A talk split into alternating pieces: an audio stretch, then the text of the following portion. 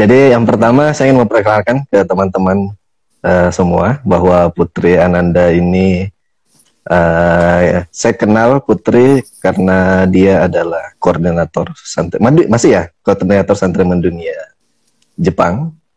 Iya, uh, sekarang sedang studi S1, betul? Iya, mau lulus uh, bentar lagi. Bentar lagi, insya Allah lancar. Uh, dan di sana beasiswa jadi kita nanti kita Putri akan cerita ya soal gimana bisa sampai di sana tempat beasiswa dan uh, segala macam. Jadi garis besarnya tuh terbagi dua. Yang pertama soal gimana bisa Putri sampai ke sana, terus yang kedua tentang Muslim societies di sana. Jadi sebagai muslimah gimana nih Putri merefleksikan diri, membandingkan dengan apa yang dialami semenjak di Indonesia uh, dan sekarang di sana. Oke. Okay? Okay. Uh, yang pertama ini Put. Uh, sekarang kuliah S1 tahun akhir. Jurusan apa yeah. Putri? Jurusan HI, Hubungan Internasional. Oke. Okay. Uh, awalnya di Indonesia ini uh, sekolahnya gimana tuh?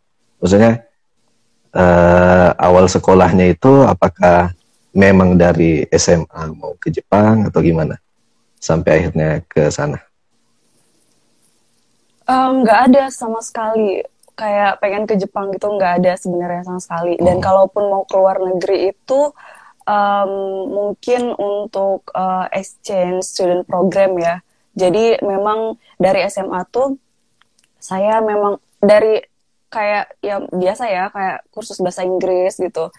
Tapi um, hmm dari SMA itu memang udah ikut kayak misalkan uh, di kampus mana gitu ada seminar kayak uh, kalau misalkan teman-teman tahu IIEF gitu terus uh, program okay. pokoknya pertukaran pelajar yang lainnya saya tuh ikut uh, hmm. tapi nggak pernah Jepang gitu sampai um, kan ada NHK. Maksudnya berarti udah udah pernah keluar negeri sejak SMA? Enggak, nggak pernah. Nggak pernah. Oh, tapi kursusnya? Iya, kursus bahasa Inggris emang dari SD gitu. Kalau kursus bahasa Inggris, jadinya memang okay. uh, eh, pengen. Tapi dulu tuh nggak ada ke Jepang sama sekali. Kalaupun keluar negeri tuh ke Inggris gitu, ke Amerika gitu. Bahkan kalau misalkan hmm. dengar um, bahasa Jepang tuh kayak kok aneh banget ya gitu. Karena kan sering nonton uh. juga NHK World ya. NHK World kan dia okay. pakai bahasa Inggris. Jadi dari sana tuh kok aneh ya bahasanya gitu kayak gitu. Tapi banyak banget malah hmm. saudara-saudara saya tuh yang edik banget sama uh, Jepang kayak abang saya tuh uh, Bang hmm. Kuni namanya itu nyampe uh, seriesnya Conan tuh ada semua gitu sampai ada corner di rumahnya satu corner tuh uh, komik semua gitu kayak komik, manga gitu yeah. hmm. sampai saudara oh berarti saya, mulai dari ini di anu ya di Jep di mul tahu Jepangnya dari abang itu? Ya kalau negara Jepang itu ada ya memang saya tahu sendiri mas kan. Gak maksudnya mi minat minat minat minat ke sana gitu. Oh minat ke Jepang nggak ada hmm. sama sekali. Uh, pokoknya long story short di uh, eh, SMA kelas 3 itu ada senior yang dulu pernah S3 ke Jepang dan um, sosialisasi gitu tentang kuliah okay. di Jepang itu. Ini senior apa? di senior di SMA. Di SMA, iya. Uh, Oke. Okay. Iya, karena mereka kan uh, suami istri uh, studi di Jepang gitu, S3 dan okay. S2 waktu itu. Hmm. Dari sana pokoknya belum sih. Jadi uh, pas lulus itu um, beliau nawarin saya gitu, Putri gimana kalau tinggal di rumah saya gitu belajar bahasa Jepang gitu kayak gitu. Jadi saya ke rumah beliau belajar bahasa Jepang. Hmm. gitu okay. sebelumnya ke belakang lagi. Putri asalnya dari mana nih? Sorry maunya dimulai dari situ tuh. Oh uh, saya uh, Sumatera Selatan. Di Indonesia di mana? Palembang Palembang. Palembang. Hmm. Palembang. Oh berarti sekolahnya SD SMP SMA di Palembang. SMA di Lampung. Jadi saya pindahan. Oh Oh berarti maksudnya orang tua di Lampung?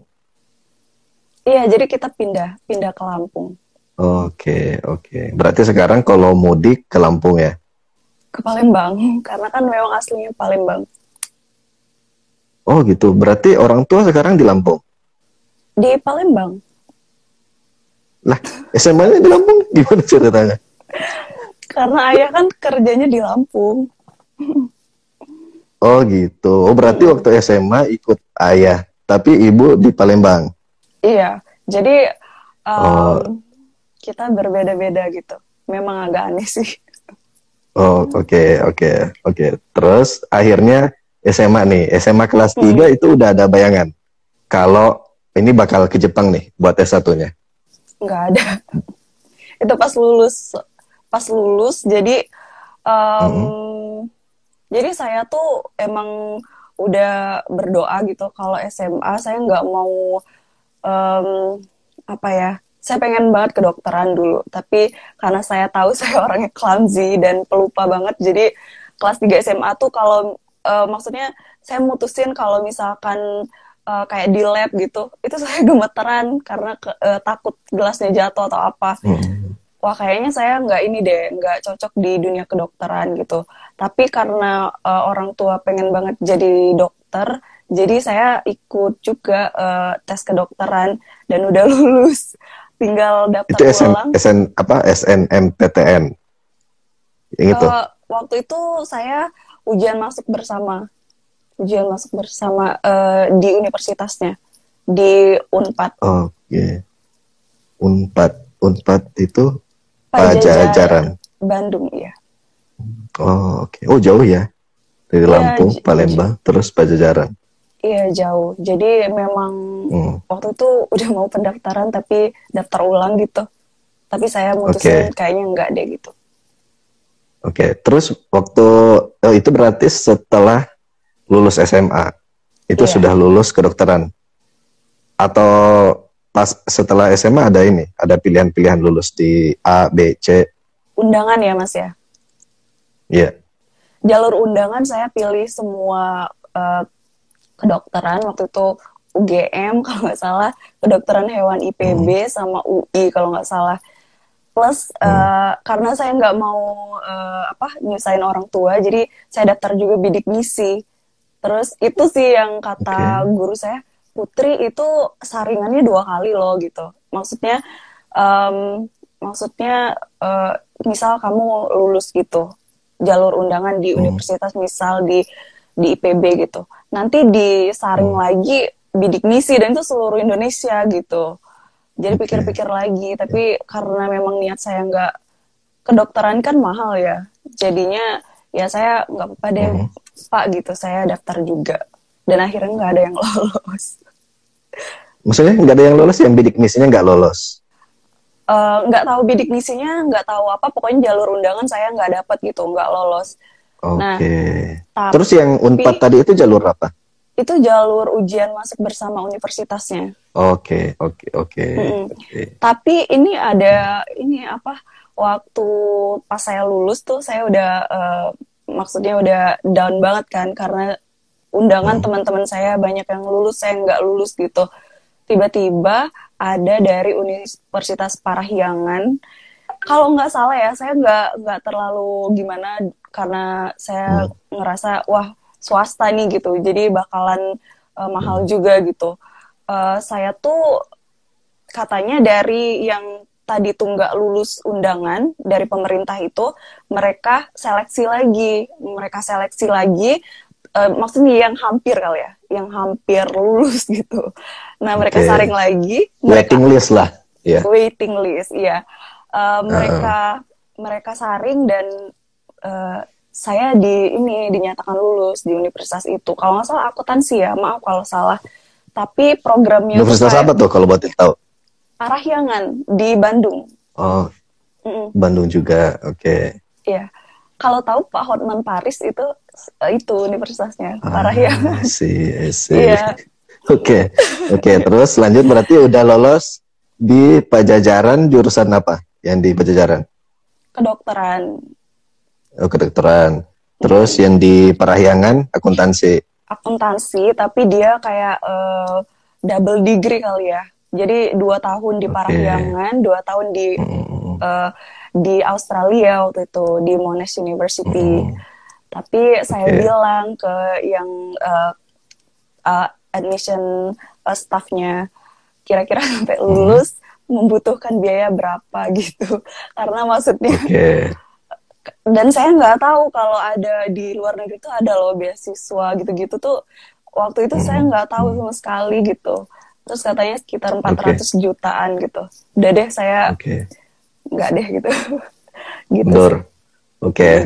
berarti itu mas dalam ketika pengurusan itu Putri posisinya di Lampung Palembang di Lampung kan SMA-nya di Lampung oh di, di Lampung oh sebelum ini sebelum lulus sebelum UN itu sesudah kan Oke, oke, oke. Berarti setelah itu, oh ngurus-ngurus nih, ngurus-ngurus di mm Lampung. Oke, okay. oke. Okay, terus apa lagi? Ya, uh, pokoknya ditawarin sama dosen tadi kan, sama dosen mm yang beliau dosen Parahyangan itu? Bukan, yang senior tadi di uh, eh, SMA. Okay. Ditawarin uh. tinggal di rumah uh, beliau gitu karena um, di Palembang di Lampung di Lampung lagi SMA-nya di Lampung mas oke oke oke oke iya ditawarin Terus? pokoknya uh, uh, beliau buka kayak kelas volunteering gitu bahasa Jepang gratis gitu hmm. Putri kalau mau hmm. intensif belajar bahasa Jepang ya udah tinggal aja di rumah hmm. saya gitu ya daripada saya nggak ada hmm. kerjaan ya udah saya tinggal di di sana gitu sebenarnya ada ada tidak persetujuan dari keluarga karena banyak omongan para tetangga tapi saya bodoh amat lah yang penting saya tapi kan suami istri kan dia ya iya suami istri dan setiap Selasa Kamis tuh ada anak-anak kan kalau di Lampung tuh Unila namanya ya Universitas Negerinya jadi anak-anak hmm. Unila tuh banyak yang datang gitu jadi teman-teman saya banyak yang uh, dari kuliah sana gitu waktu itu hmm. hmm, hmm Nah dari Terus sana, jadilah Putri belajar bahasa Jepang. Memang niatnya untuk kuliah di Jepang atau isi waktu aja? Isi waktu aja, karena saya um, karena sebenarnya saya gap year mas, ambil gap year satu tahun gitu. Karena saya hmm. dulu belajar kalau tahu Zenius kayak ruang guru gitu. Hmm. Iya, saya yeah, betul ada tutornya namanya Bang Sabda. Kata Bang Sabda tuh kebanyakan orang luar negeri tuh mereka ambil gap year loh gitu. Karena okay. ada proses gitu untuk berpikir dulu. Dan saya ngerasa kayaknya saya belum siap deh untuk kuliah gitu. Hmm. Ya udah, hmm. saya daripada saya nggak ngapa-ngapain, saya belajar bahasa Jepang. Terus ditawarin. Oh, berarti emang berarti emang ini, berarti emang udah mutusin bahwa kalau mau lanjut kuliahnya harus di luar negeri.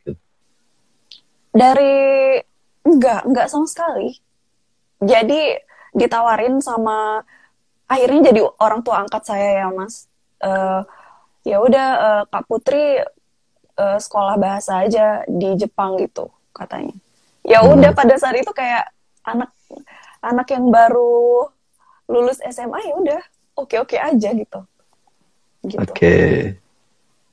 oke okay. akhirnya eh, adalah dapatlah info beasiswa S1 ke Jepang. Hmm. Iya. Enggak. Dari senior itu. Enggak dari ada. tempat kursus itu.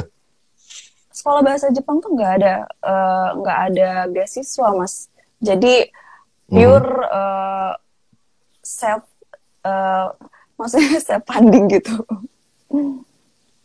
Oh, gitu. Mm -mm. Jadi maksudnya ke Jep berarti Putri ke Jepang tahun berapa? 2000 sekarang 2021 2000 berapa ya 17 18 ya segitulah sekitar segitu oke berarti berangkatnya emang ini uh, berangkat aja iya sendiri gitu tadinya sih ada ada dua orang ada dua orang tapi yang satunya uh, mengundurkan diri gitu kayak dia nggak mau berangkat gitu ya udah saya sendiri Hmm. Ada kan uh, orang tua angkat saya tuh udah pulang ke Indonesia, tapi ada teman-teman pengajiannya. Nah, saya dikenalin lah sama teman-teman pengajiannya, tolong ya jaga putri gitu. Soalnya masih lugu banget waktu itu. Okay. Jadi berangkat ke sana itu uh, ini udah ada kampusnya atau belum? belum nggak ada nggak tahu jadi bilang bicara sama orang tuanya gimana waktu mau berangkat ya ini sih banyak banyak banget uh, maksudnya nggak di apa nggak di nggak dibolehin awalnya tapi um, okay. ya berkat bantuan dari orang tua angkat saya ini ya maksudnya hmm. Banyak sih uh, maksudnya negosiasinya akhirnya dibolehin gitu hmm. hmm. kayak gitu okay. Tuh, teman-teman ini saya kayaknya penonton penontonnya tim hore ini ya santri mendunia lagi ya, Oke. Okay. Terus sampailah Putri di Jepang mm -mm. Uh, dengan uh, modal kenalan dari senior yang tadi itu, yang tempat belajar bahasa Jepang. Ini bahasa Jepang ada ininya gak sih? Ada kayak TOEFL, IELTS gitu? Ada kayak gitu sertifikat bahasanya? Ada. Tapi uh, kalau TOEFL sama IELTS itu kan dia sistem skor ya. Tapi kalau bahasa Jepang mm -hmm. dia sistem level. Jadi ada lima level level paling rendah itu level 5, yang paling tinggi itu level 1 gitu. Oke, okay. oke okay, Cambridge ya. Cambridge gitu ya, kalau nggak salah Cambridge yang, pakai level gitu ya. Yang A1 gitu-gitu ya. Iya, iya, iya, kayak gitu. Ya, okay. mungkin semacam itu. Oh, berat. Eh, terus uh, berarti Putri ke sana udah ada sertifikat itu? Nggak ada. Jadi saya nggak tahu, nggak bisa bahasa Jepang sama sekali. Sampai di bandara itu um, kepala sekolahnya kan sekolah ya, bukan universitas levelnya. Kepala sekolahnya tuh jemput saya kan. Uh, beliau nawarin hmm. saya, Putri mau ke toilet nggak? Saya nggak ngerti sama sekali. Dan ke mana-mana tuh bawa kamus coba, kamus yang kertas itu. Modal nekat ya. Saya nekat banget sih dulu. nggak okay. ngerti apa-apa. Oke, okay, terus uh, sampai di Jepang apa nih yang dikerjain? sekolah bahasa, jadi pure uh, belajar bahasa gitu. Oke, okay. itu berarti self funded semua dulu. Iya, tapi di sini tuh bisa part time mas, bisa ambil part time gitu. Oh, gitu. Terus masuk ke sana nggak ada ini pakai pakai visa pelajar gitu. Terus nggak dimintain kayak surat keterangan dari sekolahnya. Kita uh, visanya pelajar, student. Oh, berarti visa pelajar bisa keluar tanpa ada ini, tanpa ada kayak semacam apa ya? LOE. LOE, sem ya. Uh, boleh ya? Ada, ada LOE-nya. Kan itu sekolah. Oh, berarti sekolah. Oh, dari yang dari sekolah bahasa ketika Putri pertama datang. Iya. Mm -mm. Nanti dikirim okay. dari Jepang ke Indonesia gitu. Oke, okay, oke, okay, oke. Okay. Berarti belajar bahasa. Berapa lama tuh belajar bahasa? di sana? Satu setengah tahun.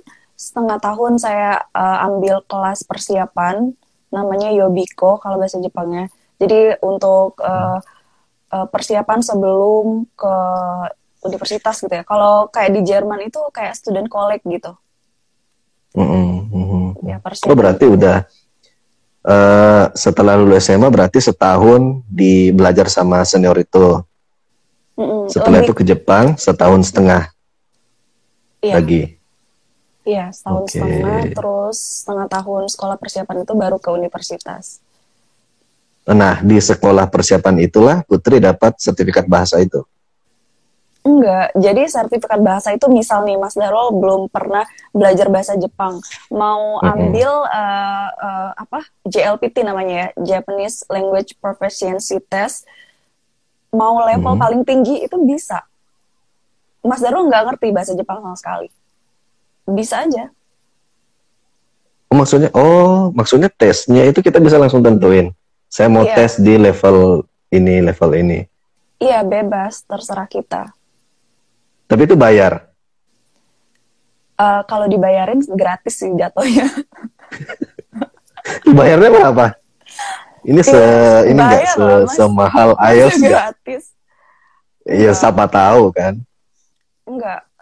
Tapi beda negara beda gitu. Kalau di Jepang tuh sekitar 5000 yen, jadi sekitar 600 ribuan lah. Kalau di Indonesia dan per level tuh lain, lain beda-beda ya. Kalau di Indonesia Oh, semakin cuma, tinggi semakin mahal. Iya. Kalau di Indonesia mungkin okay. sekitar 150 ribuan gitu. Hmm, itu yang paling bawah. Um, ya seratus lima puluh ribu itu. Kayaknya yang paling Hah? atas deh. Kayaknya yang paling atas. Berarti yang paling mahal seratus lima puluh ribu. Iya, kayaknya nggak nyampe deh malah seratus lima puluh, mungkin seratus dua puluh ribu gitu. Oh ini dong, berarti dibandingkan TOEFL inilah lebih lebih iya. terjangkau. Iya. Hmm. Di Indonesia ada nggak yang kayak ini tempat ada. menerbitkan itu sertifikat bahasa itu? Ada ya? Iya ada. Um, itu di Jakarta. Pokoknya yang di Jakarta, setahu saya tuh Medan, Surabaya, hmm. Bali, uh, Jakarta, dan tapi sekarang udah ada di tambah Palembang juga. Hmm. Bandung juga. Terus model te model tesnya ini sama, kayak ada speakingnya, ada writing. Kalau empat unsur itu. JLPT itu dia cuma uh, dia ada apa ya tiga tiga ada grammar grammar um, listening sama um, reading. Speaking. Oh nggak ada speaking ada. Uh, speaking nggak ada. Oke. Oke. Oke. Oh berarti dari situ dapat tuh dapat sertifikat bahasa. Itulah yang jadi modal buat uh, kuliah. Mm -mm. daftar kampus. Iya, sebenarnya uh, di samping JLPT itu ada juga persiapan namanya EJU. Jadi kayak kalau misalkan kita gitu uh, ke luar negeri, mungkin kayak GMAT, GRE gitu. Nah kalau di Jepang tuh namanya okay. EJU gitu. Itu wajib juga? Uh, tergantung kampusnya. Ada yang mewajibkan, ada enggak. Tapi kalau JLPT itu itu udah pasti diwajibkan kalau kita uh, ikut kelas reguler seperti saya. Tapi kalau misalkan kelasnya itu yang bahasa Inggris, ya biasanya kalau di Jepang TOEIC atau enggak hmm. uh, TOEFL IBT. Oke, okay. oke. Okay. Uh, ini sekolahnya itu posisinya di mana? Di kota apa nih di Jepang? Osaka. Waktu pertama Putri datang itu di? Di Osaka. Osaka. Jadi dari awal emang di Osaka gitu. Oh, eh sekarang juga di Osaka? Sekarang juga di Osaka, tapi sekolah persiapannya saya di, di Kobe. Oke, Osaka itu kayak gimana di Indonesia? Maksudnya ibu kotanya kan Tokyo. Mm -mm. Osaka itu kayak Bandung kah atau kayak Palembang kah?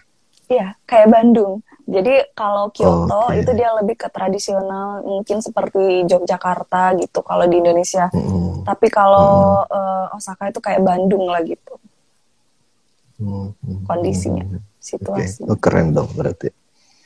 Oke, okay. yeah. uh, terus uh, Putri daftar uh, ke kampus yang sekarang atau daftar banyak nih? Proses pendaftarannya kayak gimana? Cuma satu kampus aja, cuma satu universitas.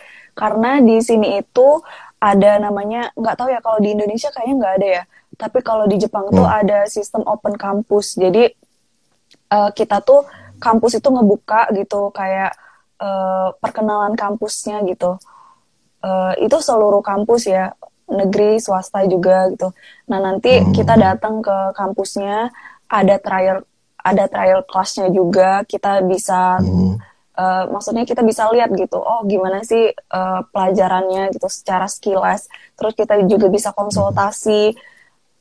Nah dari situ kita tahu gitu. Waktu itu saya tanya sih konsultasi itu tahun pertama kesempatannya apa, tahun kedua sampai tahun keempat gitu. Ya hmm. cocok sama lingkungannya juga menurut saya bagus banget.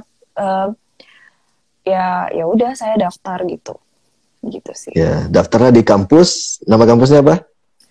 Osaka University of Economics and Law. Oh berarti berarti itu kampus nomor satunya Osaka.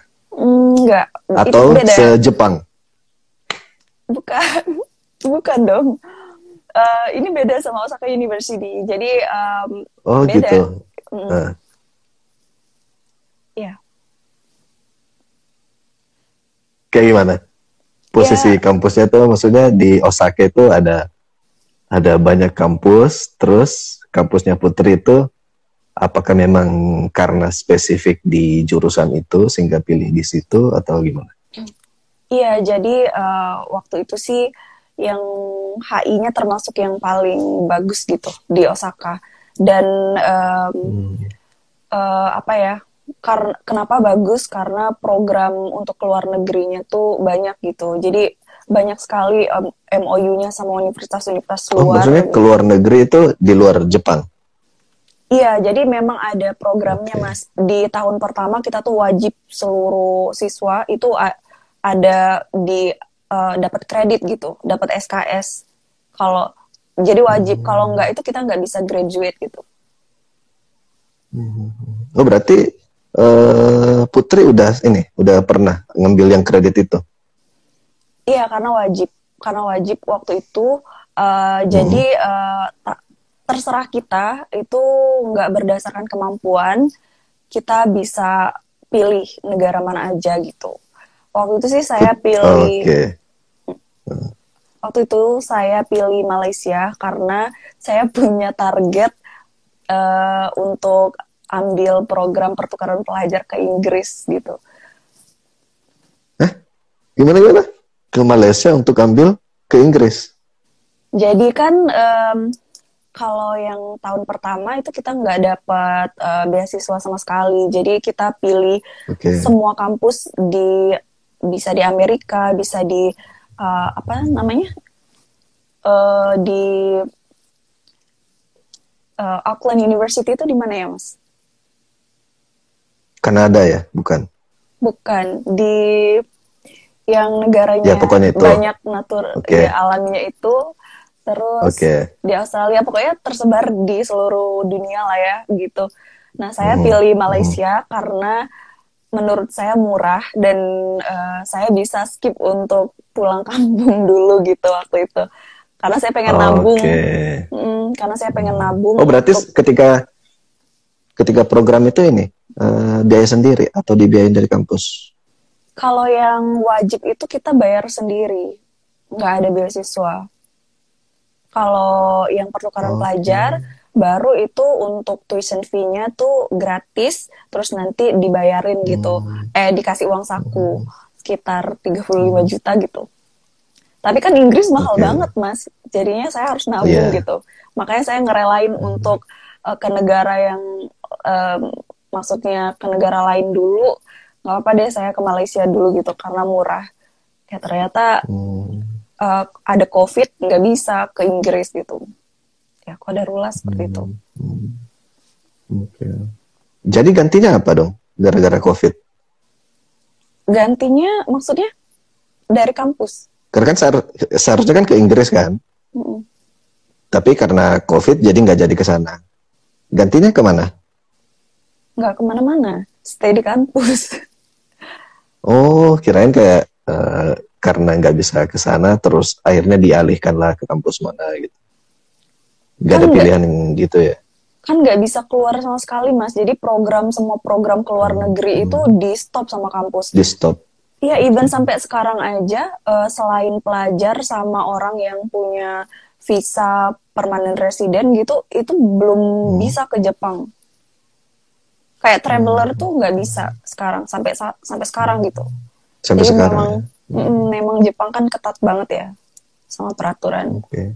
Hmm. sampai sekarang Jepang gimana sih kondisi hmm. covidnya Alhamdulillah Jepang baik-baik aja sih karena memang kayak misalkan hand sanitizer ya terus juga pakai masker hmm. itu udah jadi kebudayaan mereka gitu jadi pas ada oh, covid oh, itu uh -huh. mm, jadi pas hmm. ada covid itu dia jadi ya sempat shock juga tapi yang kayak enggak yang kayak negara lain ya let's say negara kita sendiri gitu yang orangnya tuh pada shock gitu kan harus pakai masker ke mana-mana. Yeah.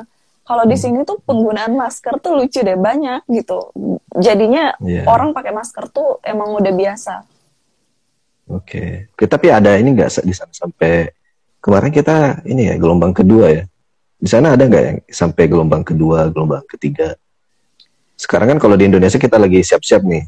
Awas jangan-jangan ada gelombang ketiga kan di akhir tahun. Di Jepang udah lewat second wave gitu-gitu ya ada yeah. juga mm -hmm. ada juga sih yang seperti itu tapi mm. ya saya sih ngerasanya nggak ya biasa aja gitu oke okay. berarti sama aja dengan ya dengan sebelum-sebelumnya soalnya kan budaya pakai masker terus ya hand sanitizer tadi itu udah udah jadi kebudayaan di sana. Oke. Okay. Yeah. kembali ke kampusnya. Osaka University apa nama lengkapnya? Osaka University? Osaka University of Economics and Law. Economics and Law. Oh berarti dua dua itu tuh yang jadi unggulan ya. Hmm. Selain dua jurusan itu apa aja yang ada di sana? Um, humanities ada nggak? Nggak ada. Social and humanities nggak ada.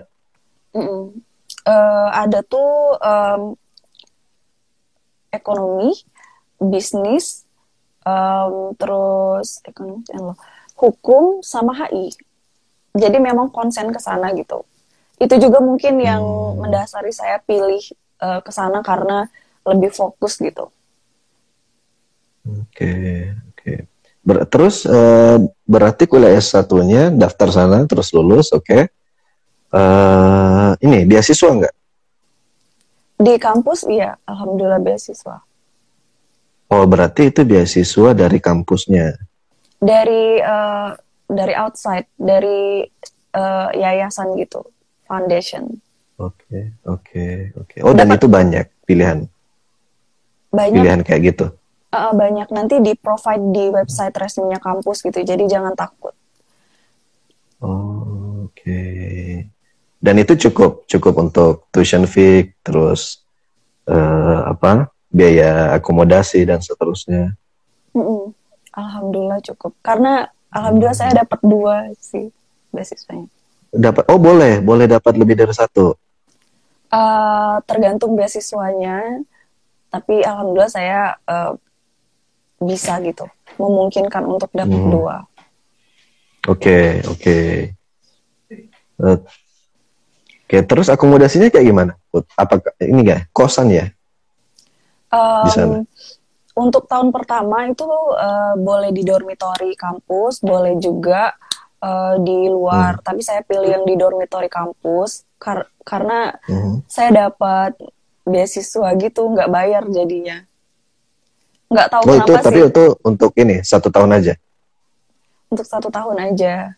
Kalau misalkan mau lanjut, hmm. kayaknya saya harus bayar. Hmm karena uh, banyak uh, siswa yang baru yang bakalan daftar ke sana juga jadi saya kasihan dan saya juga maksudnya udah tahu gitu ya gimana tips hmm. and triknya gitu cari sendiri apartemen di sini ya udah saya hmm. uh, keluar gitu cari apartemen sendiri gitu cari kos kosan atau sendiri. itu wajib kalau kayak di kampus-kampus Indonesia di kampus-kampus UIN ya hmm. itu kan ada beberapa yang punya program kayak gitu jadi satu tahun pertama itu di asrama tapi itu karena yang pertama karena memang di apa ya semacam pendidikan karakter karakter buildingnya dalam satu tahun itu di dormitory terus bahasa juga.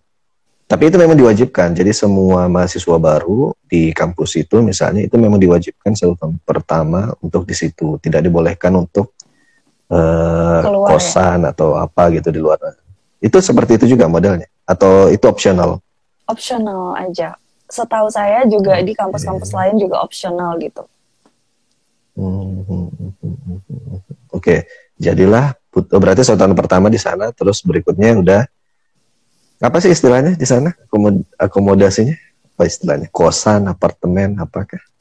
Uh, apartemen. Jadi nam kalau bahasa Jepangnya apato gitu nyebutnya. Apato. Apato? Hmm. Itu Dari, apartemen maksudnya? mm, dari apartment jadi apa tuh bahasa Inggris ke bahasa Jepang gitu.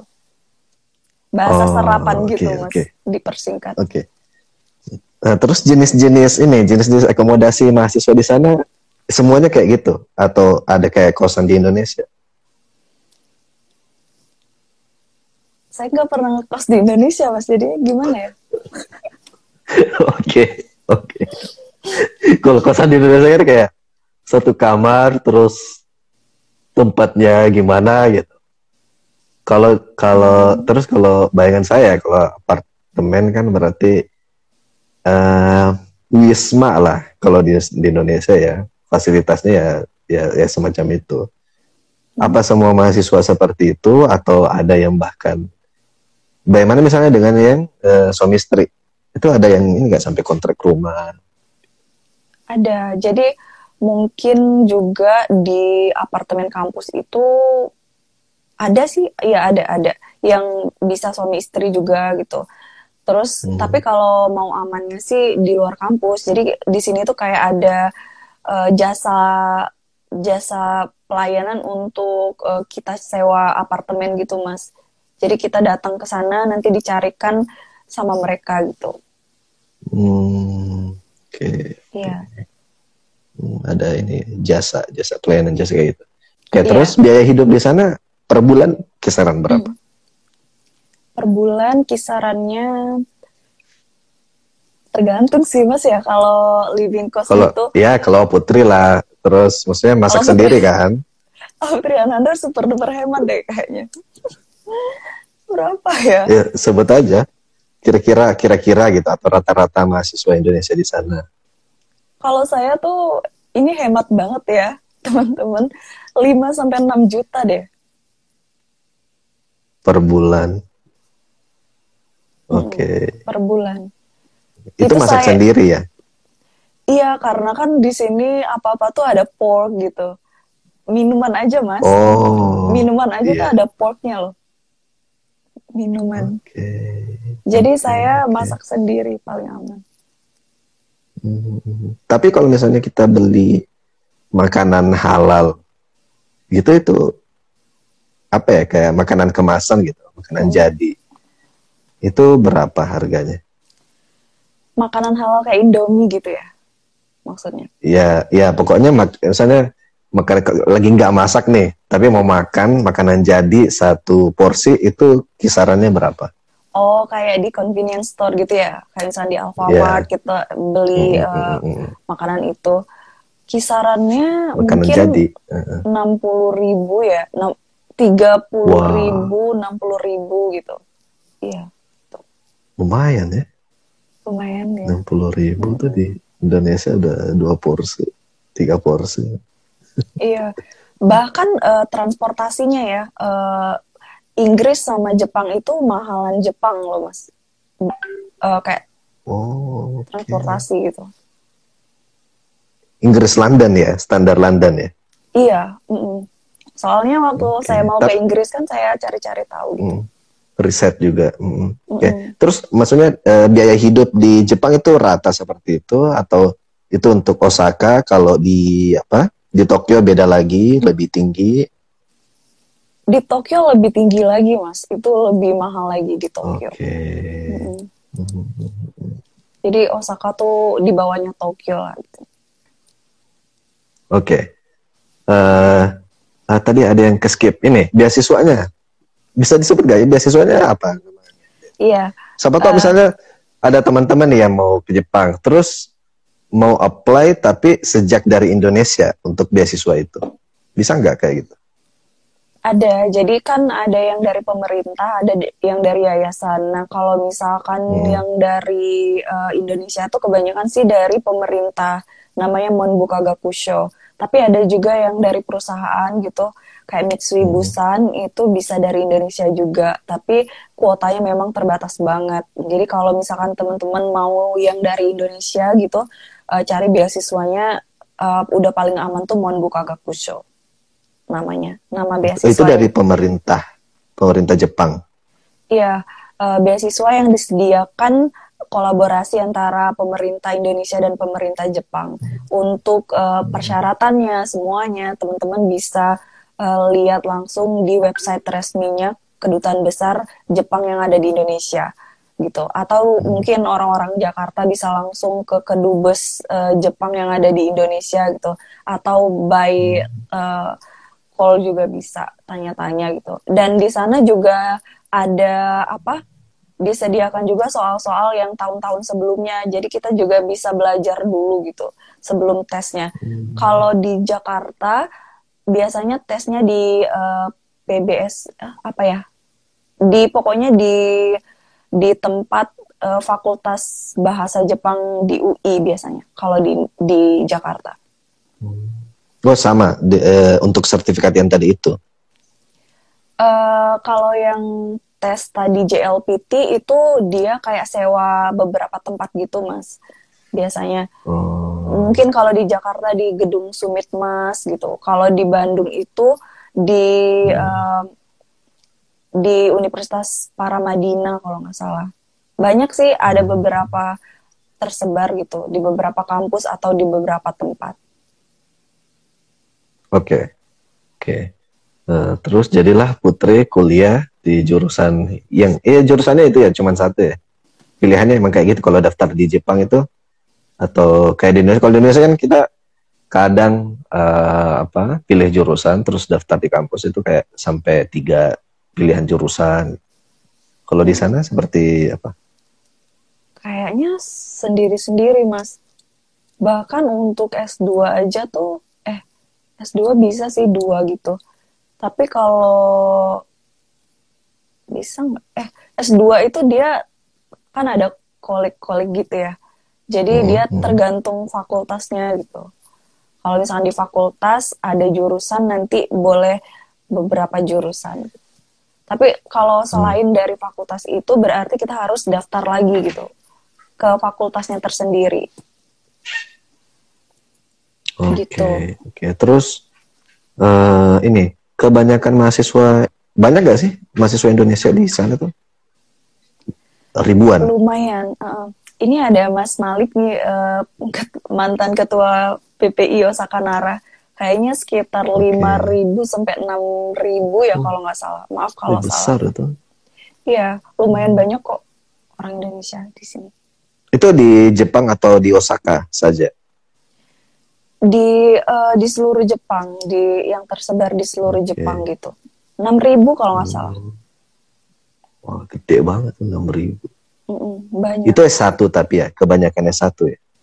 Malah di Jepang itu kebanyakan S2, S3, Mas. Jadi S1 tuh jarang Oh. banget. Ya, jadi eh, dan kebanyakan tuh sekolah bahasa gitu. Hmm, maksudnya S2, S3 terus sekolah bahasa Jepang. Iya, S1 tuh jarang di sini. Lumayan jarang banget gitu. Karena memang agak susah kayaknya. Oh, oh, yang kalau S2, S3 nya emang bahasa Inggris kelasnya. Iya, kebanyakan bahasa Inggris.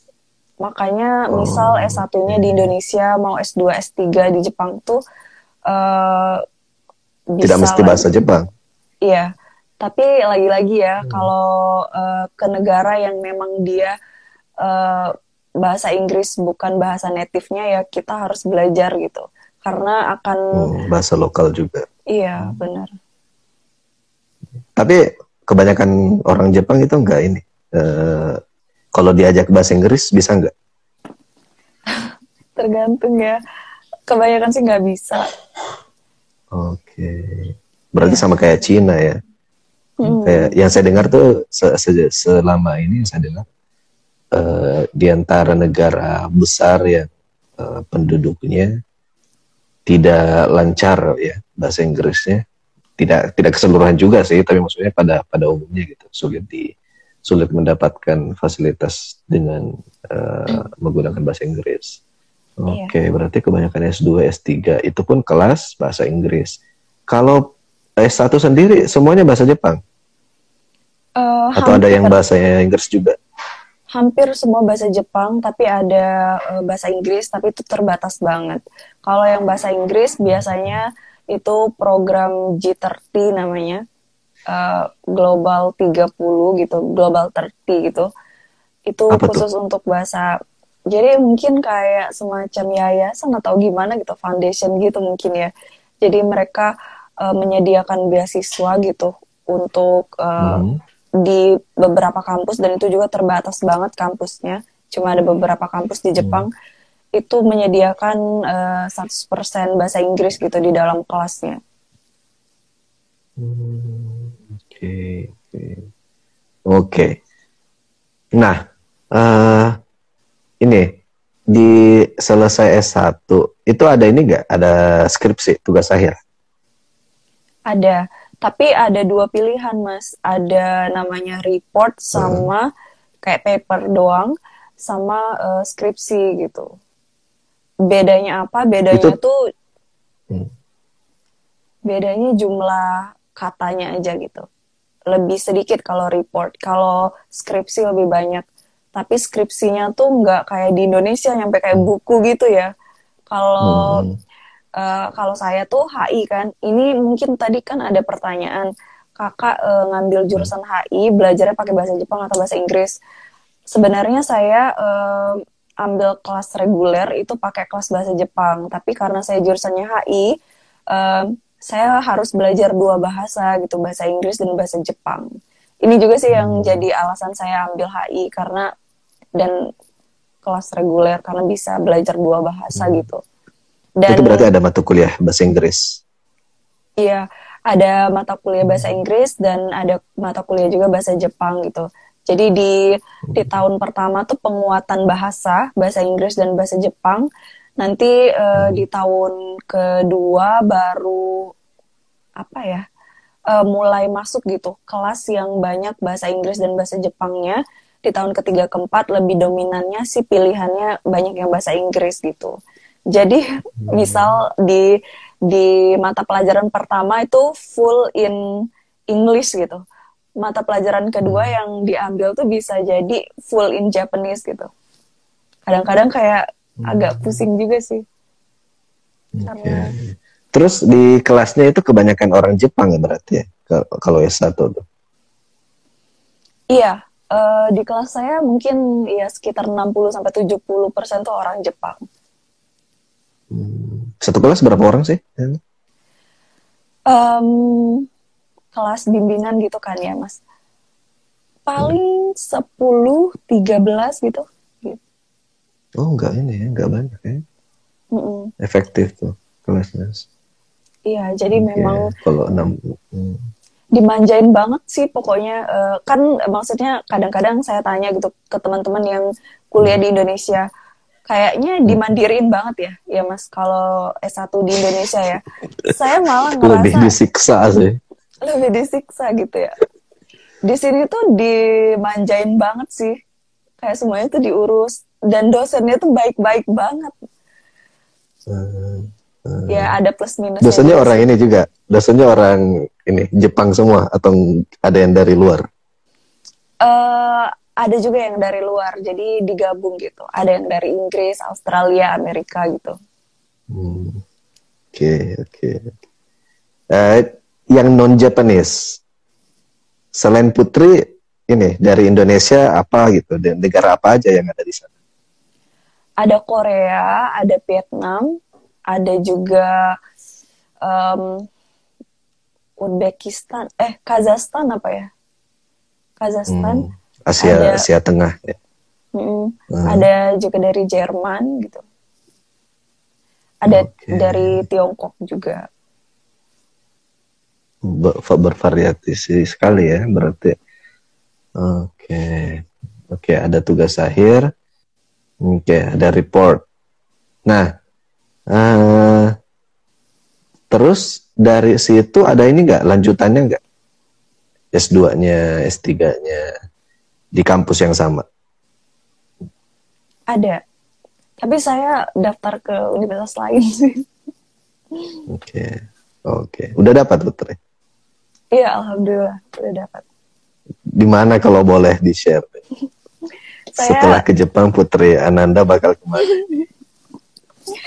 Um, memang saya uh, cari aman dulu ya mas, karena ini kan uh, corona kan kita nggak tahu berakhirnya kapan. Jadi saya cari aman okay. waktu itu uh, karena juga di Jepang itu kan mulainya um, April ya, Mul mulainya April dan Oktober. Jadi yang paling memungkinkan memang uh, saya daftarnya itu yang masuknya April gitu. Maksudnya kalau yang masuknya April Oktober, tahun depan. Berarti targetnya April 2022. Mm -mm, iya. Nah, hmm. kalau universitas luar Jepang kan kebanyakan Oktober ya mulai. Hmm. Hmm. Hmm. Jadi saya biar nggak zong gitu, saya emang siapin uh, waktu itu tesnya di universitas yang di uh, Jepang dulu satu gitu. Hmm. Nanti kalau oh soalnya kan ada ada jarak beberapa bulan kan sebelum ini. Iya. Sebelum lanjut lagi. Mm. Oke. Okay. Kalau mau coba di Qatar bisa di.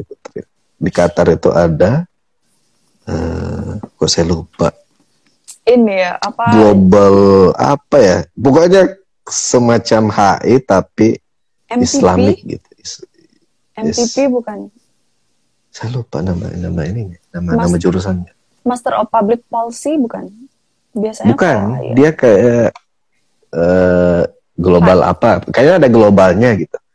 Tapi semacam itulah, semacam HI yang uh, internasional. Coba aja. kalau. Qatar sekarang terbuka sih. Kalau kampus saya sekarang kebuka sampai sampai Februari kalau nggak salah. Tapi saya pengen ini sih apa uh, pengen yang spesifik ke uh, kayak children protection and women empowerment gitu sih kalau S2. Hmm. Di Hamad bin Khalifah juga ada. Jurusannya Mas Henry itu ya? Ya itu gender and society itu. Itu gender ya karena itu juga penelitiannya ini penelitiannya Henry jadi gender and society. Uh, ya dan perlindungan anak juga ada di situ kebanyakan. Tapi itu jadinya semac disebutnya ya, disebutnya itu semacam kelas feminis dalam tanda kutip ya. Oh, itu bagus nggak kira-kira? Oke. Okay. Menurut saya bagus sih karena uh, karena kayak di kampus saya itu apa pun jurusannya pasti selalu ada uh, pendekatan dari Islamic Science-nya. Jadi tidak uh, tidak feminis talk misalnya dalam dalam hal itu ya dalam gender studies itu tidak pasti ada Islamic perspektifnya. Ya coba aja dari Asia Timur nih ke Timur Tengah. Kalau mau langsung ke Barat boleh, nggak apa-apa juga sih. Ya di mana aja. Ya, Oke. Okay. Sesuai uh, Ya di mana lulusnya aja. Oke. Okay. Ini ada pertanyaan nggak sih? Nggak ada ya? Itu aja.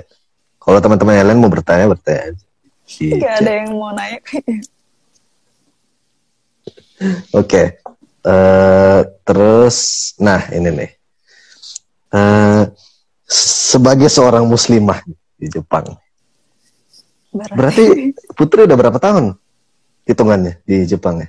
Ini tahun hmm, ke-6, Mas. Wow, itu udah tamat SD 6 tahun. Iya, makanya tuh banyak orang-orang yang bilang, Putri nanti S2 lanjut di Jepang nggak bosen gitu. Jujur saya bosen sih, tapi saya nargetin yang ada keluarnya gitu. Jadi... Oh, Oke. Okay. 6 tahun, gila. Itu udah tahu sampai lorong-lorong tikusnya Jepang. Osaka. Osaka sebesar apa sih Osaka? Kayak Bandung ya? Enggak, enggak juga. Ya segitu kali ya. Saya nggak. Banyak ini, banyak gedung-gedung tinggi. Sekota itu kah? Um, ya misal kalau Mas pengen ke Jepang, yang pasti hmm. di uh, datengin orang itu Tokyo, Kyoto, hmm. Osaka hmm. gitu. Hmm. Gede berarti Osaka. Hmm.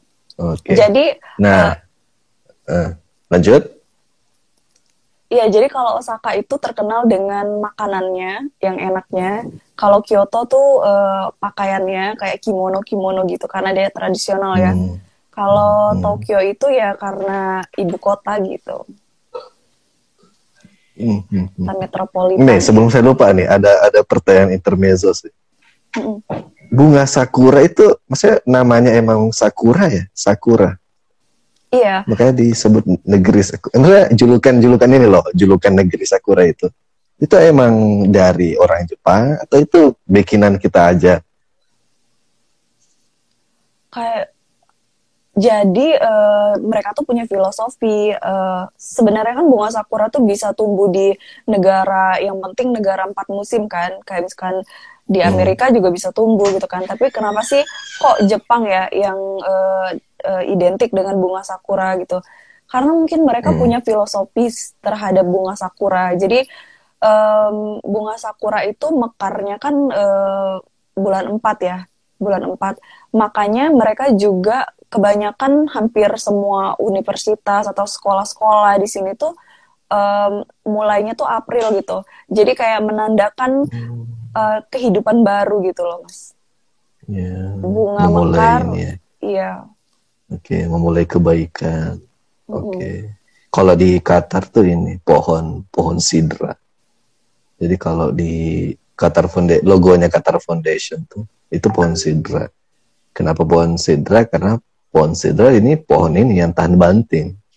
Pohon yang bisa tumbuh di tengah padang pasir. Itu tuh pohon sidra tuh. Jadi filosofinya diambil dari situ supaya dia tumbuh tahan dengan segala ini, tantangan. Oke. okay. Lanjut nih, sebagai muslimah seberapa ramahkah Jepang dengan muslimah? Iya, jadi Jepang itu ada dua agama sih yang tiga sih sebenarnya. Tiga agama yang uh, kebanyakan gitu ya. Buddha, Shinto, hmm. uh, sama uh, Kristen sih ada beberapa, tapi cuma dikit banget gitu. Tapi untuk implementasinya mereka tuh lebih ke kayak ateis gitu, Mas. Jadi bisa dibilang nggak terlalu gitu bahkan ya kalau kita cerita tentang agama sama orang Jepang asli itu terkesannya hmm. aneh gitu bagi mereka. Hmm, berarti kayak bukan sesuatu yang penting gitu, bukan pembicaraan yang penting. Iya, tentang benar banget. agama seseorang itu apa? Iya, benar banget. Hmm. Dan uh, tapi ini menguntungkan sih menurut saya bagi saya pribadi.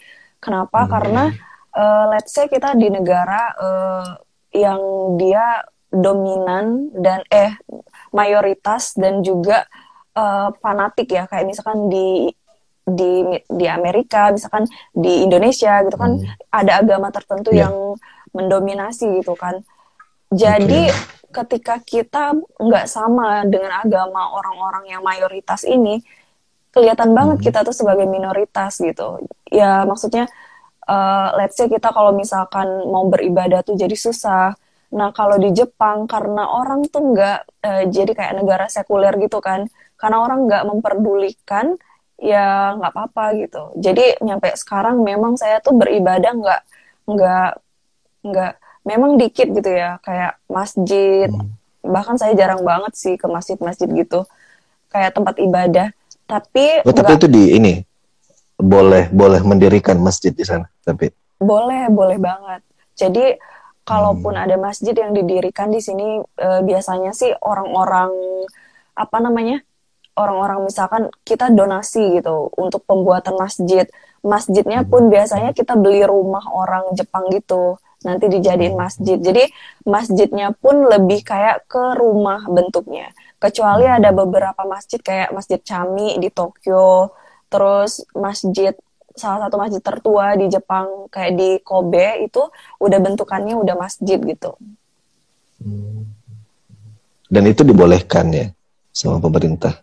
Boleh banget, nggak ada larangan sama sekali. Oke, okay, okay. karena kan beberapa tipikal ini ya negara yang non mayoritas Muslim, mereka kan pilihannya enggak enggak enggak berkaitan dengan Muslim juga sih, maksudnya hmm. beberapa pilihan itu negara bagaimana mengurus agama adalah sekalian diurusi semua. Hmm. Uh, sama dengan Indo Indonesia agak pertengahan sih, karena kita kan ada ada istilah uh, apa agama apa istilahnya tuh agama dengan pemeluk terbanyak gitu kan. Jadi ada beberapa agama, oh, kita ada agama resmi. Walaupun sebetulnya agama resmi kayaknya nggak ada deh yang namanya. Tapi agama dengan pemeluk terbanyak itu kan kita ada dirjennya di Kementerian Agama kan. Hmm. Tapi ada juga kan beberapa agama kepercayaan-kepercayaan yang kecil kan, yang itu baru diakomodasi kemarin lewat penghapusan itu nama agama di ini di kolom KTP.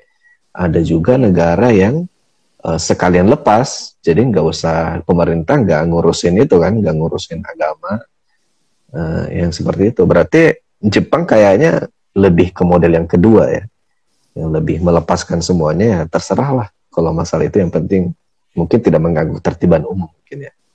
Iya benar banget. Tapi ya mungkin berarti untuk... azan nggak boleh? Azan boleh nggak di sana keluar ini speaker azan? Kayaknya kalau sampai speaker tuh enggak deh mas.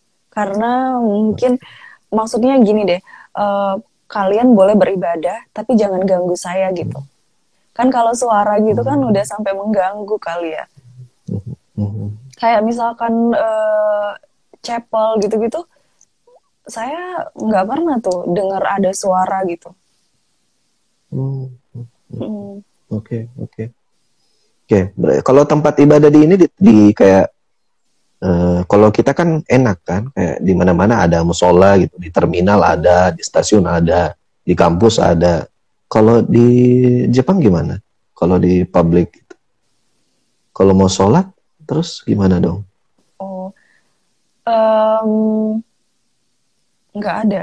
Jadi inisiatif aja kayak misalnya saya di kampus gitu, saya sholatnya di perpustakaan gitu pokoknya di tempat yang bersih dan uh, apa yang sunyi gitu kan ya seperti di oh. perpustakaan gitu-gitu oke okay, oke okay. karena kalau uh, ngobrol kemarin kan sama senior yang di Amerika misalnya uh, mereka itu kayak menyediakan satu apa, apa ya istilahnya jadi semacam meditation room jadi semua agama apa pun kalau mau melakukan ibadah itu di situ. Kalau di situ nggak ada ya, di sana nggak ada. Uh, Jadi apanya? kita yang nyari sendiri tempatnya yang sesuai, tapi nggak diganggu kan? Nggak ada ini kan nggak ada pengalaman diganggu. Alhamdulillah sih nggak ada mas. Uh, jadi memang uh, kan ada cerita-cerita orang dari negara lain didiskriminasi atau apa. Alhamdulillah sih saya nggak ada sama sekali dan mungkin ba balik juga ke personal kita kalau saya tuh paling jangankan saya didiskriminasi saya lihat orang didiskriminasi aja saya bisa speak up gitu jadi orang kayak nggak berani juga oke oke oke oh berarti ke mana tapi kalau di kayak di taman gitu terus mau sholat situ nggak apa-apa kan bawa ya, ke mana-mana berarti bawa saja dah bawa iya, mukena boleh banget saya pernah okay. dulu, dulu sih kalau sekarang nggak kayak sholat di di taman gitu. Eh, menyesuaikan aja. Kan iya, berarti di mana-mana lihat lihat waktu aja kan.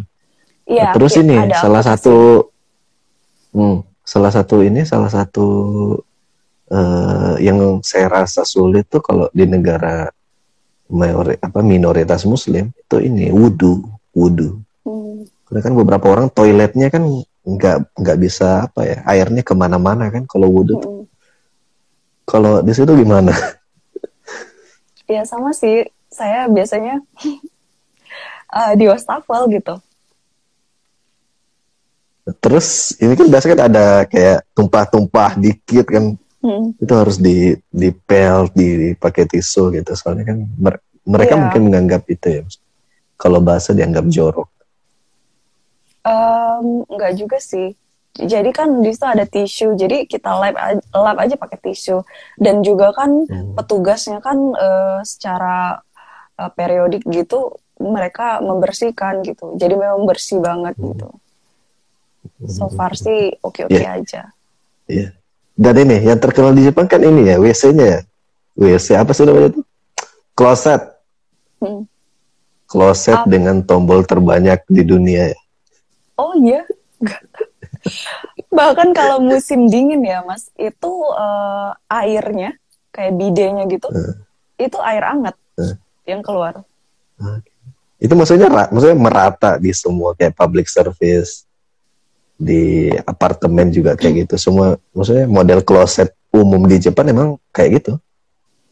Rata-rata seperti itu tapi nggak ada yang nggak juga kayak di apartemen saya nggak Oh, Oke, okay. okay. ada yang model ini tradisional kayak eh, Indonesia. Tapi di uh, di uh, apa di toilet saya ini apa maksudnya uh, ada dua gitu, air panas dan air dingin. Jadi ya kalau misalkan hmm. mau air panas ya tinggal itu aja. Masak air. Enggak, langsung ada. Oke. Okay. Langsung. Oke. Okay. Oke. Okay uh, aplikasi aplikasi di sana ini kalau kita kan biasa pakai Muslim Pro di sana pakai aplikasi apa atau ada aplikasi ini bahasa Jepang sama saya pakai Muslim Pro juga oh, kan di aja. di sana Berarti. komplit ya lengkap ya ada mm-hmm. apa ada, ada kompasnya ya. gitu kan terus ada doa doa juga ada Al-Quran yeah. jadi mm-hmm. Tapi kemarin tuh waktu waktu saya masih di Qatar sih, waktu belum balik itu sempat uh, kita ini hangat itu bicarain tentang itu Muslim Pro. Karena Muslim Pro kan mengambil hmm. data dari uh, semua Putri mungkin pernah dengar kan bahwa data data dari usernya Muslim Pro itu dijual ke angkatannya ini Amerika Serikat. Itu sempat tuh katanya bocor. Nggak tahu deh bocor apa dijual. Tapi terserah lah ya. Masalah data. Oke, okay, by the way. Wow. Ah, tadi tentang ibadah. Terus uh, makanan. Makanan, makanan gimana? Kalau kita ya? kan ada label halal. Ada label halal, jadi jelas gitu Iya, di, ada juga di sini yang pakai label halal, tapi ya frozen food gitu, yang mana kurang sehat ya. Um, jadi kalau misalkan ayam gitu, terus uh, daging sapi gitu, ya terpaksa kita belinya hmm. yang frozen karena itu cuma itu yang menyediakan yang ada label halalnya gitu. Tapi kalau hmm. untuk uh, yang lain ya sayur atau apa ya kan bisa bisa beli di supermarket aja gitu. Kayak gitu sih. Uh, memang paling amannya itu masak mas karena uh, selain yang label halalnya itu hampir nggak ada di sini kecuali bumbu-bumbu atau frozen food gitu. Juga um, Jepang itu yang tadi saya bilang minuman aja mungkin air putih aja ada yang ada porknya gitu. Um, apa ya emulsifiernya ya. Nyukazai namanya kalau di Jepang. Berarti betul, kalau mau beli betul-betul ini ya, lihat ingredientsnya ya. Iya, makanya kan pas waktu awal-awal saya ke Jepang itu saya nggak bisa baca huruf Jepang sama sekali kan, kayak kanji gitu. Mm -hmm. uh, Jadi saya hafalin tuh kalau kanjinya pork itu seperti apa. Pokoknya yang uh, huruf-huruf uh, apa Jepang yang um, menurut saya nggak uh, boleh nih gitu. Jadi udah dibekalin dari Indonesia. Dan juga saya pakai aplikasi. Jadi kayak aplikasi yang untuk halal gitu. Nanti ada daftar uh, makanan-makanannya. Jadi kalau saya ke supermarket pengen beli yang makanan yang udah diproses gitu saya cuma hmm. makan yang ada di daftar itu gitu. Selain daftar itu saya nggak berani beli gitu. Hmm. kalau masalah harga nih misalnya ayam gitu kan daging uh, antara yang punya label halal dengan yang tidak itu lebih mahal yang pakai label? Uh, iya. Lebih mahal yang uh, pakai label. Tapi kalau setahu saya kalau untuk ayam sendiri nggak terlalu beda jauh kok. Biasanya itu uh, impor dari Brazil. Hmm. soalnya tapi kan di sana ini banyaknya juga kan banyak seafood kan ikan dan sebagainya. Banyak. Jadi iya, kalau makan ikan. seafood aja udah udah udah aman Ya, udah. Ikan sama ayam lebih mahal sana?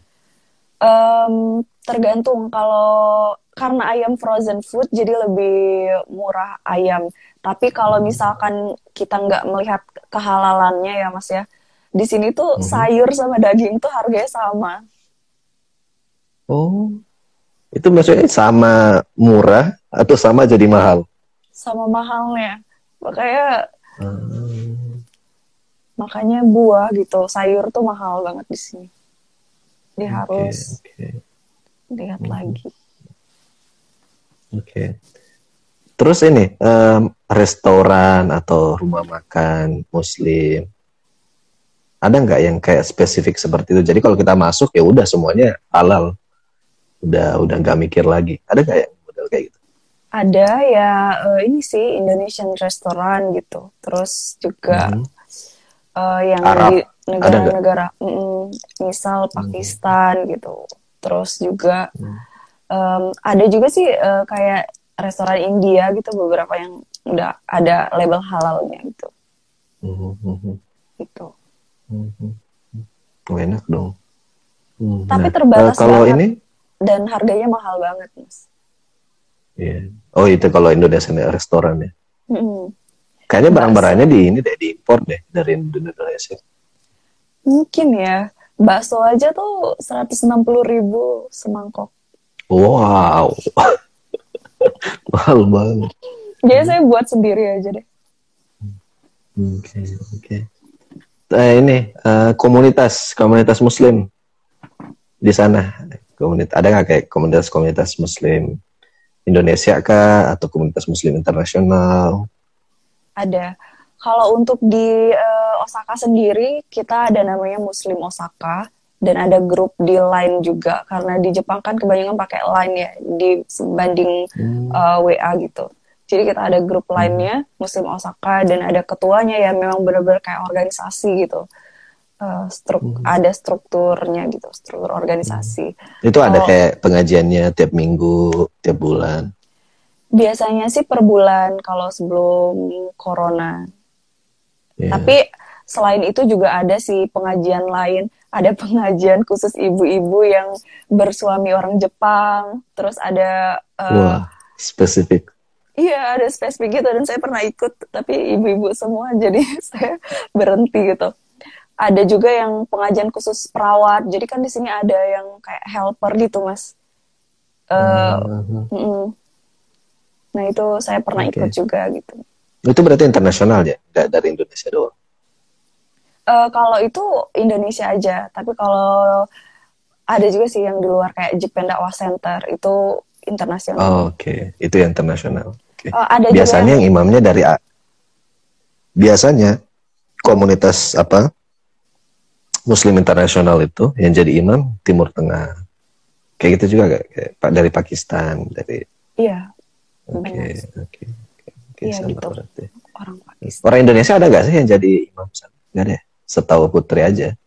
Gak, gak ada. Gak ada deh. Mm, gak ada kayaknya.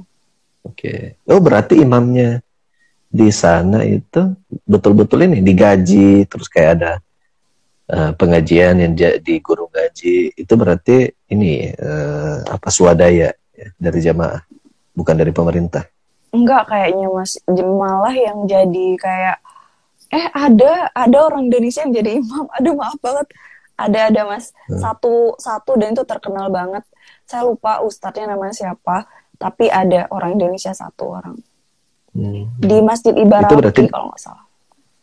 Di Osaka itu? Iya, di Osaka. Oke. Okay. Itu berarti digaji ini ya, bukan digaji dari pemerintah ya? Uh, saya kurang tahu deh mas kalau uh, lebih lanjut seperti itu. Tapi maksudnya hmm. di sini kan banyak kebanyakan kan pelajar S2 S3 ya. Jadi kadang-kadang hmm. untuk jadi imam itu ya volunteer aja gitu. As a volunteer aja hmm. itu juga bisa gitu. Oke. Oke. Ini sejauh ini bagaimana nih Putri merefleksikan diri ya? Sudah enam tahun loh, enam tahun. Eh, eh dalam enam tahun ini berapa kali balik ke Indonesia? Satu, dua, tiga, tiga apa empat gitu? Tiga ya, tiga tiga sebenarnya selama Hampir. corona ini saya nggak pernah pulang kan oh Jadi berarti udah, normalnya setiap tahun mm, pengennya sih setiap tahun hmm. oke okay. jadi gimana nih refleksinya Putri ini terakhir nih mm. di mungkin membandingkan dengan uh, praktek kita di Indonesia oh ini ini dulu deh Eh, praktik-praktik uh, ini keagamaan di sana yang Putri lihat? Ada yang ini gak kayak misalnya, oh ternyata orang di sini cara sholatnya kayak gini. Ada yang kayak gitu gak? Kayak pertama kali datang terus, oh ternyata orang cara sholat cara sholatnya di sini tuh kayak gini. Terus gimana gitu? Nggak ada sih, alhamdulillah. Tapi ini uh, maksudnya yang sampai gerakannya beda gitu ya mas ya? Nggak ada sih uh, yang saya lihat. yang aneh-aneh aja. Oh soalnya Indonesia semua ya komunitasnya? Nggak juga. Kayak misalkan ada beberapa masjid kan misal kita uh, sholat idul adha gitu ya. Itu uh -huh. um, biasanya ada ada beda gitu. Misalkan imamnya orang Pakistan ya. Kita tuh udah hmm. apa ya waktu itu karena jarang juga sih lupa ya. Kita tuh uh, udah nggak apa ya kita tuh mau berdiri lagi apa udah rakaat terakhir gitu ternyata berdiri lagi okay. gitu jadi ada ada keanehan gitu dan kita tuh kayak aduh kita mesti ngapain nih? gitu kayak gitu. Awkward iya. moment. Iya kayak awkward gitu. Terus sudah sholat ya namanya orang Indonesia ya kita cerita cerita gitu ah tadi tuh gimana sih gitu gitu gitu jadi kayak aneh-aneh sendiri gitu saling menyesuaikan okay, diri oke okay. Oke, oke, oke. Nah, ini gimana nih? Terakhir nih, catatan Putri nih terhadap melihat Islam di di negeri Sakura. Hmm. Perbandingannya dengan Indonesia atau terserah misalnya dalam dalam kehidupannya Putri enam tahun di sana sebagai muslimah apa yang bisa di diceritakan ke teman-teman? Iya, um, um, mungkin sih secara pengalaman belum terlalu banyak ya Mas. Harusnya saya uh, tinggal di beberapa negara yang uh, minoritas Muslim lebih banyak lagi sih. Mungkin itu akan lebih uh, lebih bisa mewakili gitu ya refleksi ini. Hmm. Tapi untuk kalau misalkan uh, izin menyampaikan pengalaman saya yang ya pengalaman pribadi aja refleksi pribadi. Tahun ke-6 di Jepang ini gitu saya bisa mengasum saya bisa ngomong bahwa ternyata um, dengan privilege kita sebagai mayoritas muslim itu nggak menjamin gitu bahwa saya akan lebih taat di Indonesia daripada ketika saya tinggal di Jepang sebagai Islam itu sebagai minoritas gitu. Bahkan saya banyak banget uh, menemukan hal-hal yang lebih lebih berasa gitu. Uh, itu tuh di Jepang gitu. Misal saya ngerasa doa saya tuh lebih diijabah ketika saya di Jepang. Enggak tahu ya. Karena mungkin lebih khusus tapi itu, ya. Mm -hmm. Tapi itu ada hadisnya Putri kalau itu. Oh gitu. Kalau kayak itu ke, memang eh, karena ada beberapa orang yang diijabah doanya itu, yang, yang mustajab doanya kan orang yang berpuasa sampai dia berbuka, orang yang musafir sampai dia kembali ke rumah. Itu dapat porsi khusus emang. Soalnya kenapa? Karena dianggapnya adalah gini, karena kan beberapa itu. Jadi orang yang dizolimi, kalau pernah dengar kan, orang yang dizolimi itu makbul doanya, orang yang berpuasa sampai dia berbuka, kemudian orang yang musafir. Kenapa? Kenapa orang yang musafir itu makbul doanya? Karena dia uh, apa ya dia sudah tersakiti meninggalkan tanah air sama dengan orang yang dizolimi gitu. jadi ada ada gitu ada pengorbanan lebihnya dibandingkan orang umum nah itu gitu. iya sih saya juga ngerasain gitu uh, lebih khusuk uh, gitu kalau berdoa di, di luar negeri soalnya nggak ada siapa-siapa kan kasian banget emang ya merantau tuh Aduh. oke okay. apalagi Putri apalagi ya? Mungkin lebih uh, apa ya? Lebih wise ya secara diri sendiri. Bukan komparasi ke orang lain tapi ke hmm. diri sendiri gitu. Saya ngerasa ketika dulu di Indonesia mungkin uh, karena belum punya pengalaman gitu kan sebagai hmm. anak rantau gitu. Ketika di Jepang tuh saya ngerasa lebih wise aja gitu. Kalau dikomparasi hmm. dengan saya yang uh, pas waktu di Indonesia dulu gitu. Mungkin secara umur juga udah beda ya apalagi ya mungkin dari segi toleransi juga sih uh, lebih menghargai gitu perbedaan gitu. Oh uh, nggak mereka ya berbeda ya udah gitu kayak gitu. Karena juga saya uh, ada di posisi saya pengen dihargai gitu kan. Dan alhamdulillah hmm. saya punya teman punya sahabat di kampus yang um, maksudnya mereka menghargai saya banget sebagai seorang muslim gitu. Jadinya itu juga yang pada akhirnya saya syukuri. Gitu. Alhamdulillah nggak pernah dapat ini kan perlakuan diskriminatif. Nggak berani aja. sih kayaknya diskriminatif. Kayaknya aktivis kampus nih. Nggak juga sih tapi maksudnya um, diskriminasi itu kan sebenarnya terjadi um, dua pihak gitu kan. Ketika salah satu pihak tidak menyetujui ya nggak akan berlanjut gitu. Jadi ketika ada diskriminasi itu kita juga harus uh, uh, apa ya? Kita harus bertahan juga gitu. Maksudnya kan hmm. orang mendiskriminasi kita karena apa gitu kan? Kita harus tahu. Kalau misalkan nggak tahu alasannya ya untuk apa gitu kita. Hmm. Ada nggak yang ini? Uh, ini saya lupa. Ada nggak yang apa ya istilahnya? Culture shock ya? yang kayak hmm.